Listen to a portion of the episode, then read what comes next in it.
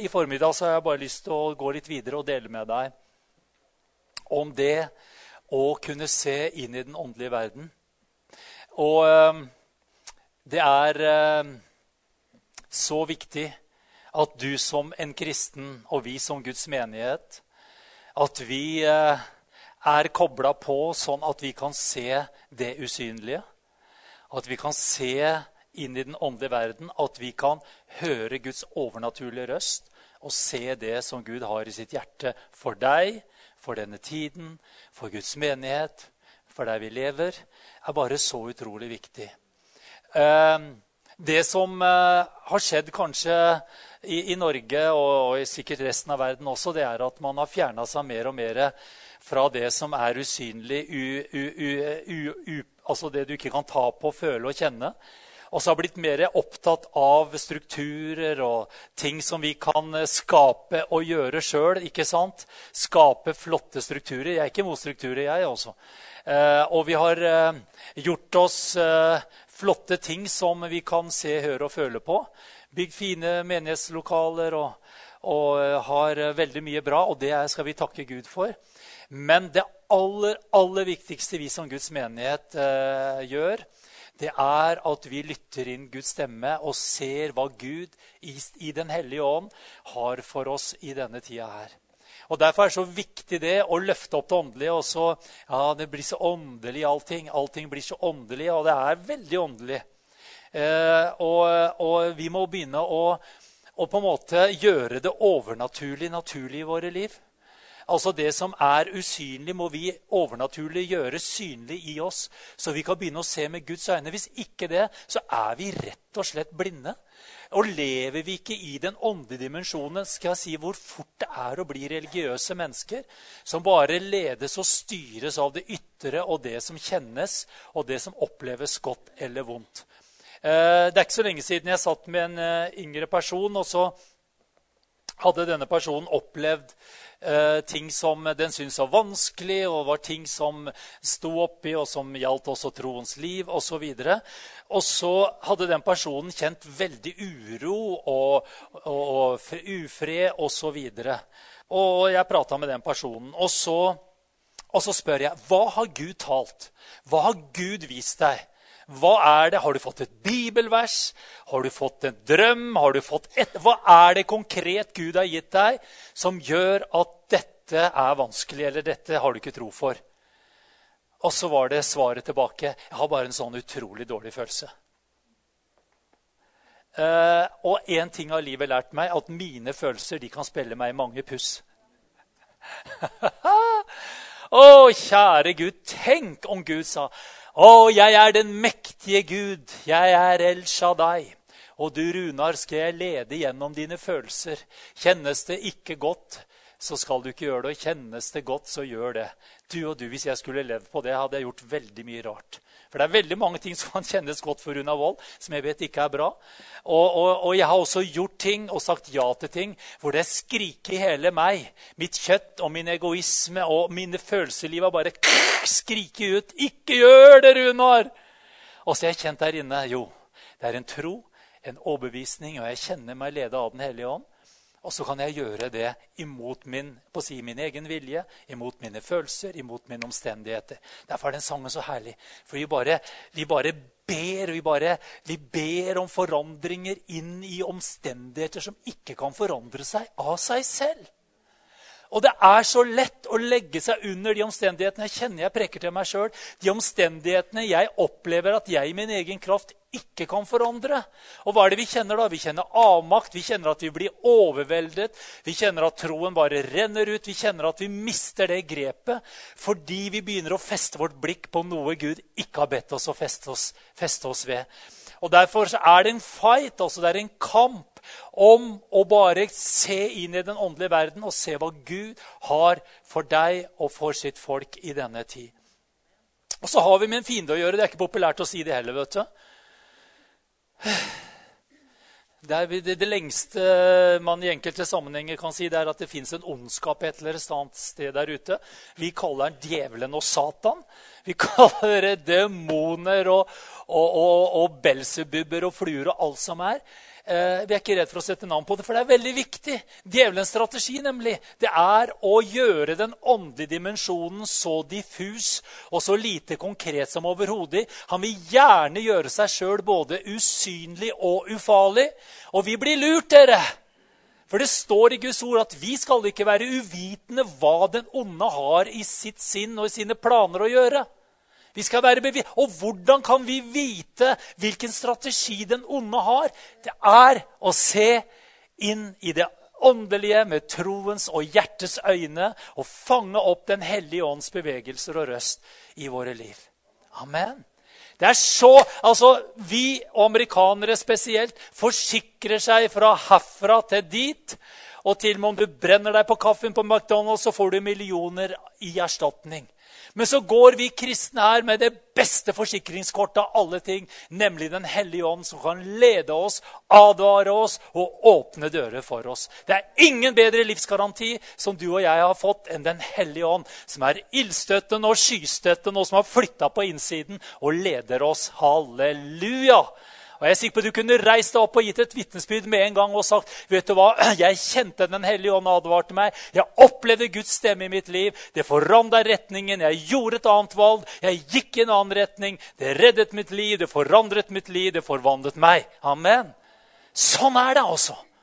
Og Derfor er det så viktig. Vi må bli mer åndelige enn noen gang helt naturlig, overnaturlig åndelige. Og jeg sier det, jeg har sagt det gang på gang. De mest åndelige menneskene jeg kjenner, det er de mest naturlige, vidunderlige, herligste mennesker å være blant. De er ikke sånn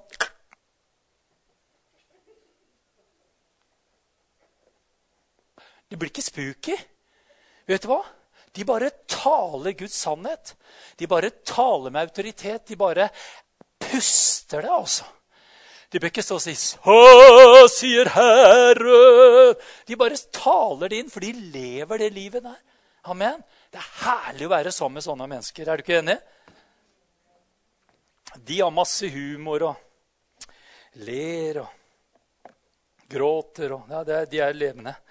Eh, som sagt, Djevelen han ønsker at eh, vi skal være blinde og bli for blinde. Og Det står i 2. Korinterne 4,4 for om det gjelder de som ikke tror. Så er strategien til djevelen akkurat det samme oss. Han ønsker å gjøre oss så, blinde, så, så blinde og diffuse som overhodet mulig. Og Der står det at han slår med åndelig blindhet i 2. Korinterne 4,4. For denne verdens Gud, står det, har forbland, forblandet Ja, det har han sikkert gjort òg. Forblindet de vantroes eller de ikke-troende sinn, så de ikke ser lyset fra evangeliet om Kristi herlighet, Han som er Guds bilde. Hva er det, hva er det som skjer? Jo, det er at det djevelen da, som er denne verdens gud, og det må vi forstå Djevelen er fortsatt denne verdens gud. Jesus har beseiret ham, men han har en lovlig rett til å være her. Og den retten bruker han så ultimat som han bare kan. Men han har ingen mer rettigheter enn det vi mennesker gir ham. Og det er veldig herlig å se. For er, han er overvunnet gjennom kraften i Jesu Kristi blod og det verket som han gjorde på Golgata kors. Han er beseiret, men går rundt som en brølende løve. Og hva er det han gjør? Jo, Han går nemlig inn, og så forblinder han sinnet og tankene. Og hva er det de ikke ser da? De ser ikke lyset. De ser ikke lyset. De ser ikke ikke med, de har ikke muligheten til å se det. Det blir bare alt det som de fysisk kan høre og se med sine sanser. De er forblinda i sitt sinn, noe som gjør selvfølgelig også utgangspunkt i at de er formørket i sin ånd. Men de kobler ikke på, altså, rett og slett. Og dette våpenet her bruker djevelen så utrolig. Og jeg har møtt mennesker som sier 'Jeg skulle gjerne bli frelst, men jeg klarer det ikke'.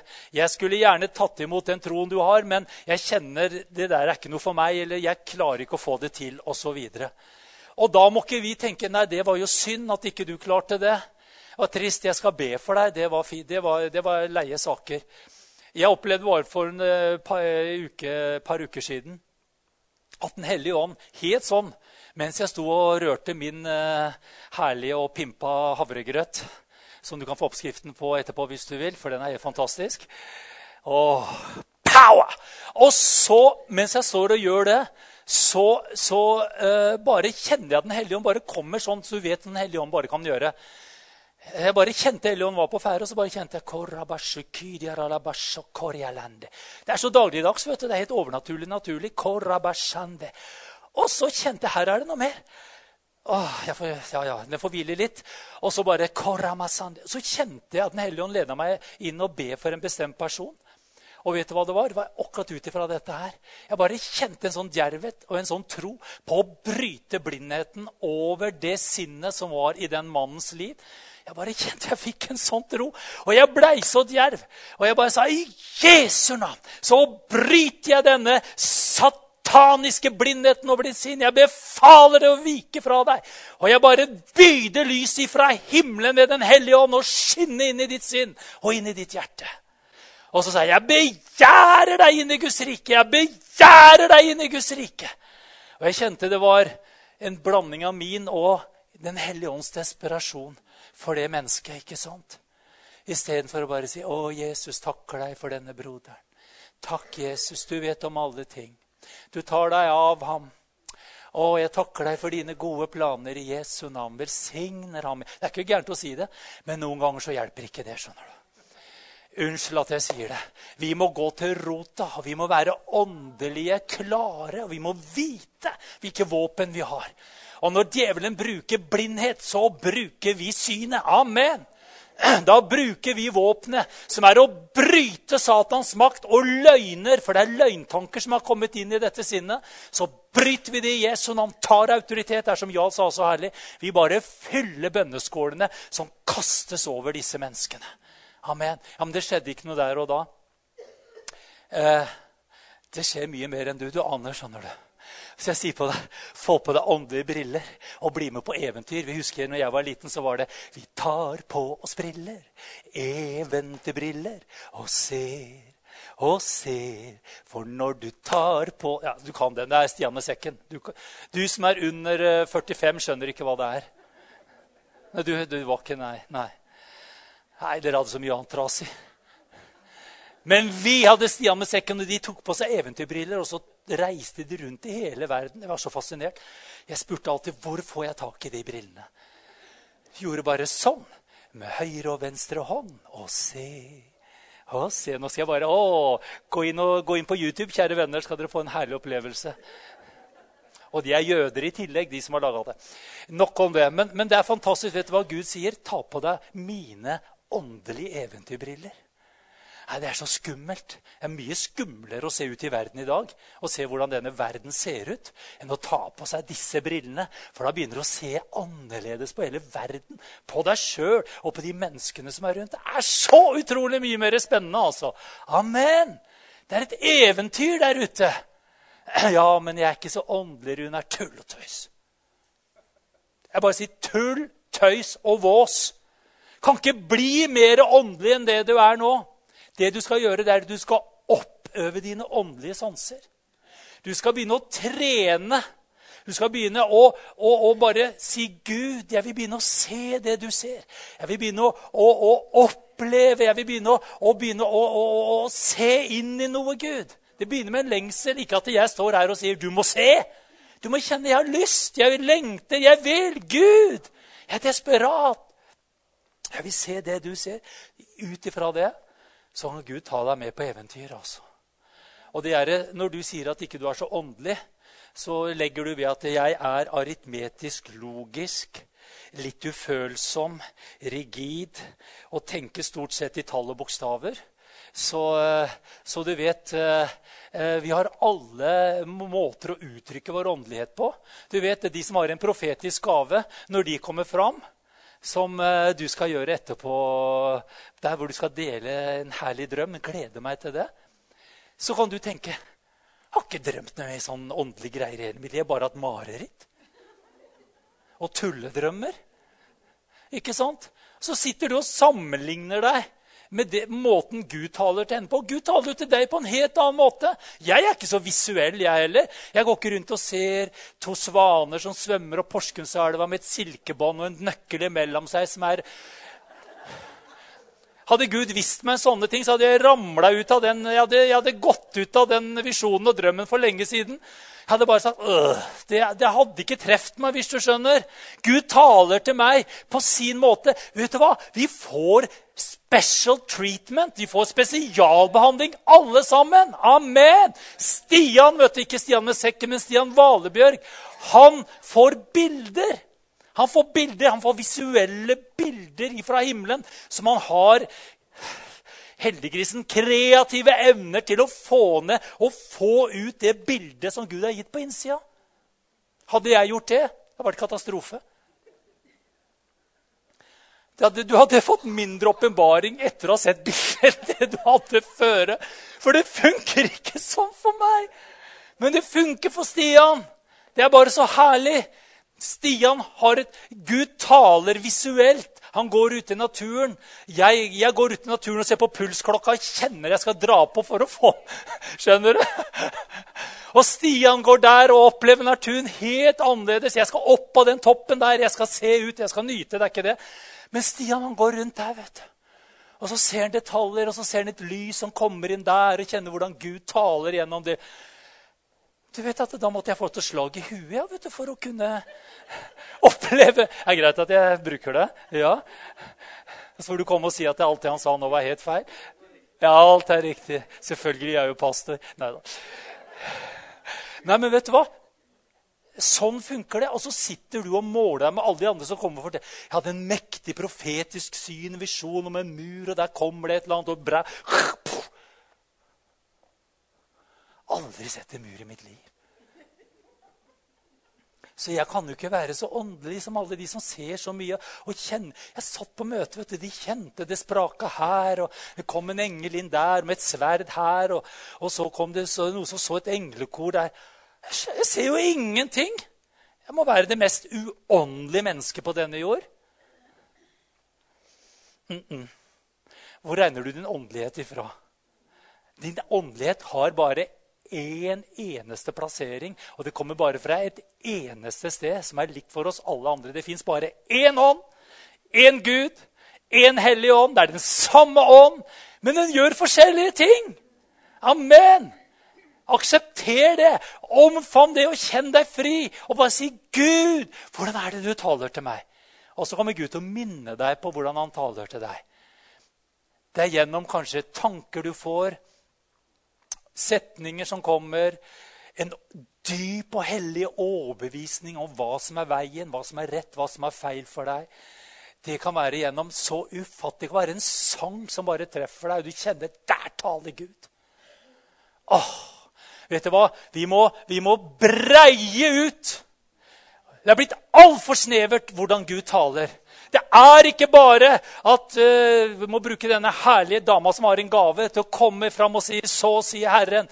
Og det er sånn og sånn, og hun ser det og hun ser det, og hun kjenner det. Mange ganger så kommer Anne Grete fram. Hun bare kjenner hun skal fram, men vet ikke hva hun skal si engang. Bare blir gitt henne i samme stund og bare taler ut. Det treffer inn i menneskers liv og hjerte.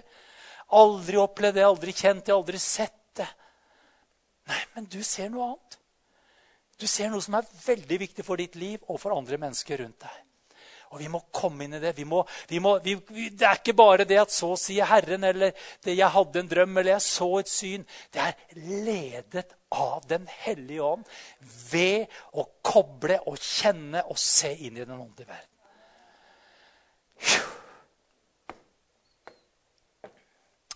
Det er blitt altfor trangt, og vi skal bare vie det rommet ut.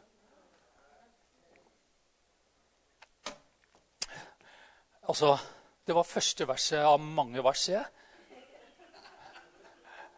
Det er helt utrolig. vet Du Du er altfor åpen. Kan ikke holde på sånn. Om det bare ble det verset i dag, så er det akkurat samme for meg. Eh, men jeg bare kjenner det at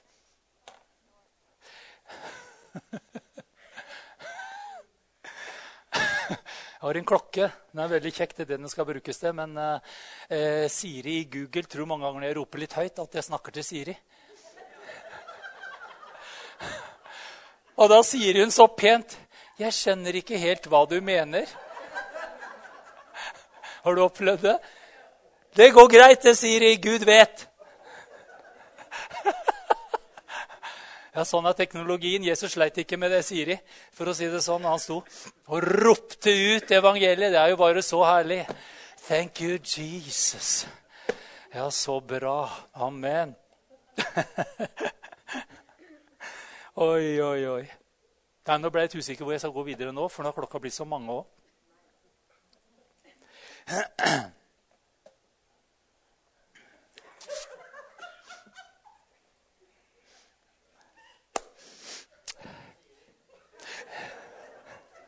Du er bare nysgjerrig, Espen.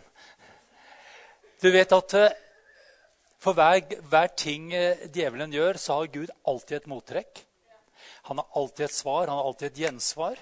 Og det er alltid mye bedre og mye sterkere og mye herligere. Og når djevelen da kommer med blindhet og mørke Se hva som står i 2. Korinterbrev, bare to vers nedafor. Ikke 4-4, men 4-6. Det er bare så nydelig. Ah, det er der, skjønner du, Når vi kjenner mørke og blindhet ramme mennesker eller oss sjøl, så kan vi bare ta tak i Guds våpen og Guds ord og bare be det inn i situasjonen. Og hva er det vi kan be da?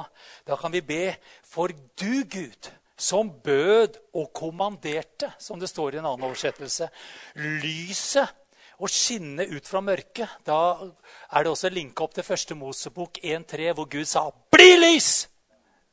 Han sto ikke og sa 'Å, det hadde vært så fint om det kom litt lys her'. Skjønner du? Vet du hva? Han kommanderte, han bød. Han sa 'bli lys'. Det var med en autoritet. skjønner du. Og det er det vi skal utøve når vi skal utøve det som er i Den hellige ånd, i Gud. Skal vi utøve autoritet. Og hvordan kan vi utøve, den autoriteten? Ved at vi kobler på vår tro. Så står det videre Og så står det Han har latt det skinne i huene våre.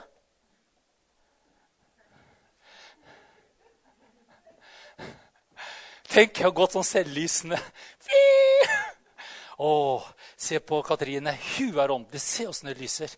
Jeg har masse Guds lys. Du vet, eh, Det som er så herlig for oss som er frelste, det er å vite at djevelen kan ikke forkludre, forsudle og, og ødelegge vår ånd. Han kommer ikke til der. Er ikke det nydelig? Amen. Derfor står det at han klarer å formørke sinnet. Eh, men, eh, men eh, så står det her at han har latt sitt lys skinne hva da? Det er så herlig. I våre hjerter. Ikke i huene, men i våre hjerter. Og så kommer det samme igjen egentlig som det sto i vers 4. For å la kunnskapen om Guds herlighet i Jesus Kristi ansikt skinne fram. Halleluja. Halleluja. Så når jeg gikk og ba for denne herlige mannen, så ba jeg Gud, jeg bare byder og kommanderer ditt lys. Til nå bare stige opp i denne mannens hjerte som en sol som bare stråler fram. Å, Fader, jeg bare takker deg. Han ikke bare skal bli det blir slutt på blindheten i hans sinn, men han skal få lyse i sitt hjerte. Han skal få lov til å se det skinnet av ditt ansikt, Jesus. Han skal få lov til å se sannheten av hva evangeliet og hvem du er. Amen. De er blinde. Jeg holdt å si de er blinde, døve. De ser ikke dette her. Oi, oi, oi.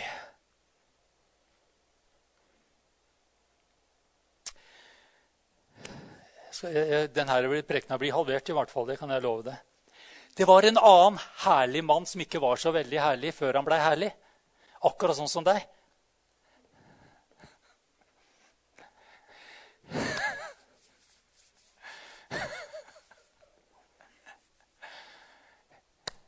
Han het Saulus.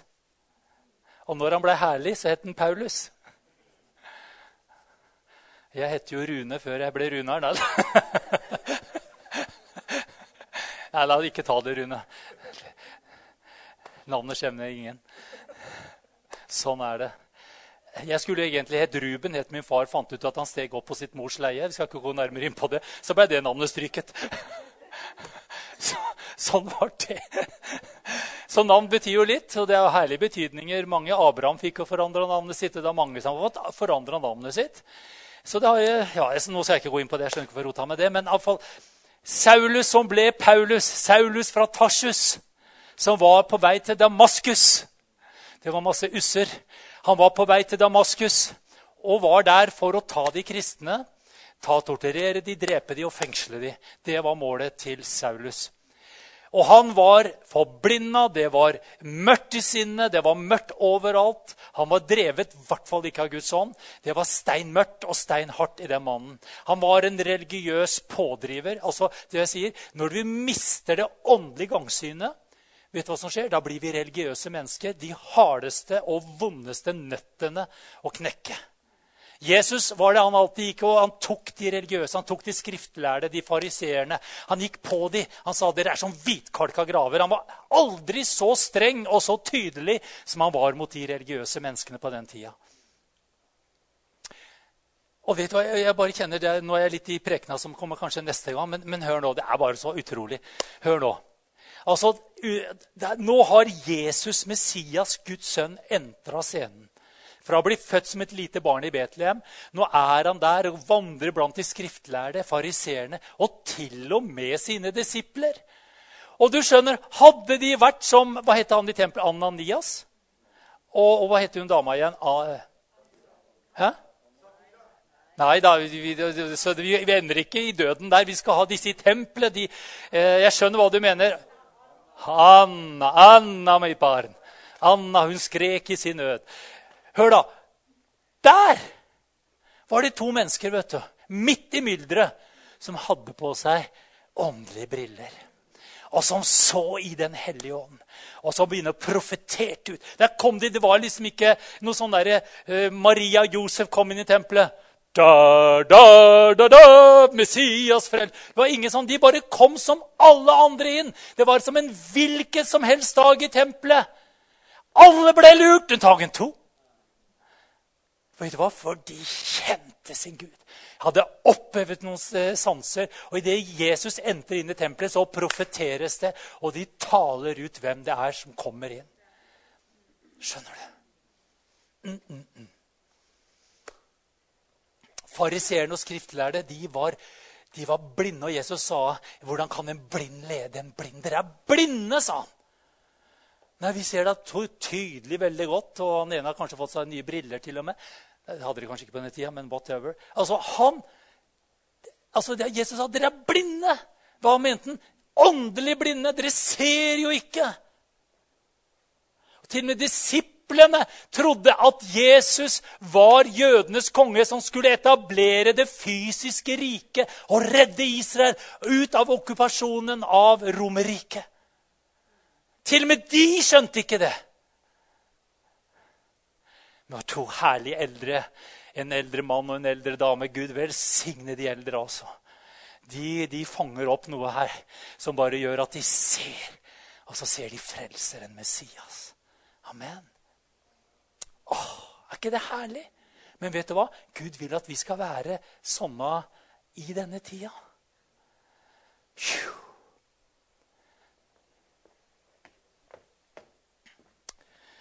Oi, oi, oi. Kommer en ny Ananias. For det som skjer, vet du, det, det, er jo litt rart. Det er jo det at Når jeg snakker om at Gud kommer med sitt lys, og vi skal se Her kom Gud med sitt lys, og han ble blind. Ødelegger litt av teologien, kjenner jeg. Han så lyset og ble blind. Glory Jesus. Det var en herlig blindhet. Det var et plutselig møte. Han ble blind. Og hvorfor ble han det? Fordi Gud hadde en herlig plan. Eh, og det står i vers 17 i Apostlenes gjerninger 9. Da står det Ananias, denne herlige gudsmannen. Du vet, Det er sånne Ananiaser som redder situasjonen. Tenk om ikke jeg hadde vært en Ananias. Hadde, han hadde ikke sittet der den dag i dag. Men du vet, Paulus, Saulus var avhengig av en gudsmann som både lytta og så inn i Den hellige ånd. Amen. Og som hørte Guds stemme. Og du vet, eh, Ananias' reaksjon var men kjære Gud i himmelen. Det er jo denne berømte, berykta fyren som driver og skal ta tak i sånne som meg. Kaste oss i fengsel og torturere. Men så bare talte Gud videre. Og vet du hva som er forskjellen? Det var at Ananias så forbi omstendighetene, forbi sine egne følelser, forbi ryktet, alt det han hadde hørt. Vet du, Han valgte å tro det Den hellige ånd talte inn i ham. Skjønner du? Å, det er der du og jeg vi gjemmer oss bak. ikke sant? Ja, men jeg følte så sterkt. Om ikke den følelsen springer ut ifra en dyp og grunnfesta tro, så kan du si 'dra den følelsen hvor du vil med meg'.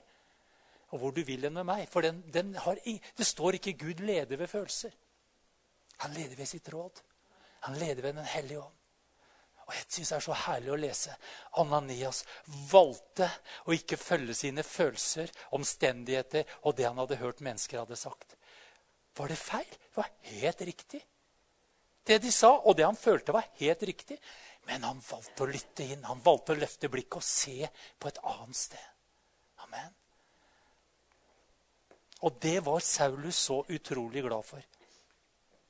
Så Ananias han gikk av sted, kom inn i det huset. Han la hendene på ham, og så fikk han frimodighet. Jeg er sikker på at han måtte kjenne Den hellige ånds kraft over sitt liv. altså.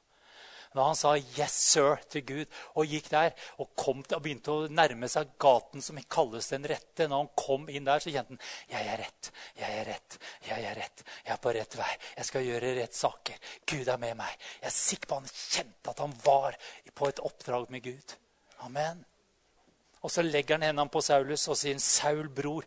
Altså, altså, altså Det er jo bare med, med, med, tro du kan kalle Saulus en bror. Skjønner du? Du vet at Han kunne kalle Saulus en, en bror fordi han allerede hadde sett hva Den hellige ånd hadde åpenbart. Så han trengte ikke å si 'Saulus, kunne du tenke deg å bli broren min?' Nei, han visste at han gikk der inn fordi at nå var Saulus en bror. Og så kommer han. 'Herren har sendt meg.' Jesus, han som viste seg for deg på veien der du kom. Han hadde jo ikke vært på den veien. Da kan du snakke om å gå på vannet. Altså, Her går Ananias på vannet. For han kunne ordentlig bare tulla det bort. Ikke sant? Men her står det han, øh, han som viste seg, øh, viste seg, for deg på veien øh, der du kom, for at du skulle få syn igjen og bli fylt av Den hellige ånd. Det var derfor han ble, ble blind, for han skulle begynne å se. Bibelen er full av motsetninger. Den fattige skal si 'jeg er'. Den syke skal si 'jeg er'. Ja, det er helt vilt. Den som gir, han. Den som er blind, skal Amen. Halleluja. Og så sier han her du blir blind for at du skal få syn igjen. Og så er det akkurat sånn som Gud alltid kommer. Det var ikke bare at han skulle begynne å se. Han skulle få noe mer. Han skal ikke bare få et sånn krystallklart blikk. liksom.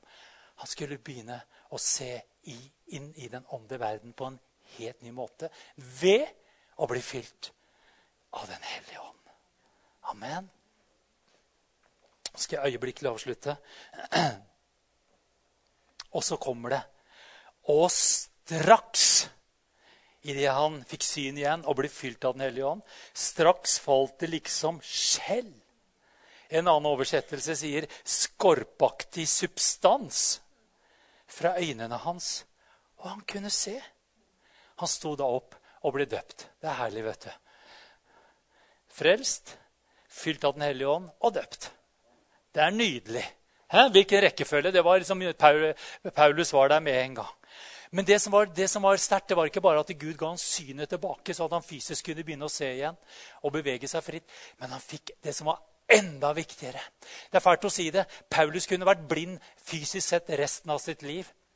Men det viktigste av alt det var at han fikk et åndelig gangsyn og utsyn og innsyn og oversyn og alt som var. Og det kunne han fått som en totalt blind mann der. Skjønner du? Men Gud ga ham både det fysiske og det åndelige synet tilbake. Glory Jesus. Hvilken gjenopprettelse! Og du vet, det måtte Paulus se for å kunne se lyset og kraften fra evangeliet skinne ut fra Jesu ansikt. Oh, glory Jesus! Hvor mye mer må ikke vi? Oh. Ja, jeg, jeg, det er veldig fint det du sier. Jeg kjenner det er veldig fint det du sier, men det er veldig lite erfart, Runa. Vet du hva? Jeg bare tenker det er så snublende nær oss alle sammen. Det er at vi må bryte ned Jeg er jo undervist også om det, hvordan vi kan bruke tungetalen vår til å bryte ned festningsverk og murer og opprørske slott i våre sin, så at vi kan begynne å se og ta imot dem fra himmelen. Åh, jeg er bare så takknemlig for de gavene og det Gud har gitt meg. Jeg bare kjenner den totale avhengigheten og overgivelsen til Den hellige ånd. Det står 'uten meg kan dere ingenting gjøre'. står det. Uten meg kan dere ingenting gjøre. Som han ville stått i en ny oversettelse. Kan bare glemme det. Dere kan bare glemme det. Uten meg har dere ikke sjans. Og så tenker vi at det er bare vi gjør sånn og sånn og setter ned fire komiteer der og planlegger fint der og strigler det sånn og får strukturene opp og gå og bang, bang, bang. Så blir det bare Uten Jesus Kristus kan vi ingenting gjøre uten Den hellige ånd. Amen. Åh, vet du hva jeg har tro på? Jeg tror på en åndsfylt forsamling som priser ikke ut ifra omstendigheter, som, som, du sa så fint i innledningen. Er, altså, de kan stå midt i en storm, vi kan gjøre hva som helst. Men ut ifra det så er det ikke liksom at vi psyker oss inn til å, liksom, og, og fantasere oss fram til noe. Vet du hva? Vi, vi bare tar tak i dette lyset her inne. Og så bare byr vi og befaler og kommenterer dette lyset til å lyse opp vårt sinn, vårt ånd, våre tanker. Det Gud ønsker at du og jeg skal se. Og jeg vet hva, da, da blir vi en åndelig menighet, altså. I ordets beste og rette forstand. For da er det menn og kvinner, unge og eldre, som har valgt å feste sitt blikk inn i den usynlige verden. Tro Gud for det han taler, og det han sier. Og du skjønner, du kommer aldri ut på eventyr med Gud om ikke du fester ditt blikk og din enkle tro på det som fins i den usynlige, åndelige verden. Der ligger kallet ditt, der ligger tjenesten din, der ligger eventyret med Gud, der ligger de åpenbaringen som, som, du skal ha. Der, der, blir logos til rema. Det er der hvor Den hellige ånd bare kommer og gjør ting veldig annerledes. Når omstendighetene som vi sang, bare er helt umulig å forandre for deg og meg, så har vi en kraftkilde som kan bare gjøre store forandringer. Halleluja.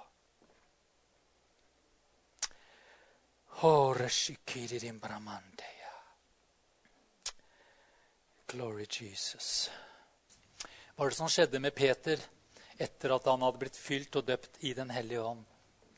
Han sto fram og talte med overbevisning, med autoritet, åpenbaring, frimodighet, djervhet. Det var en helt annen Peter som sto der på pinsefestens dag. Helt avhengig av Den hellige ånd. Hvor mye mer skulle ikke vi være avhengig av Den hellige ånd?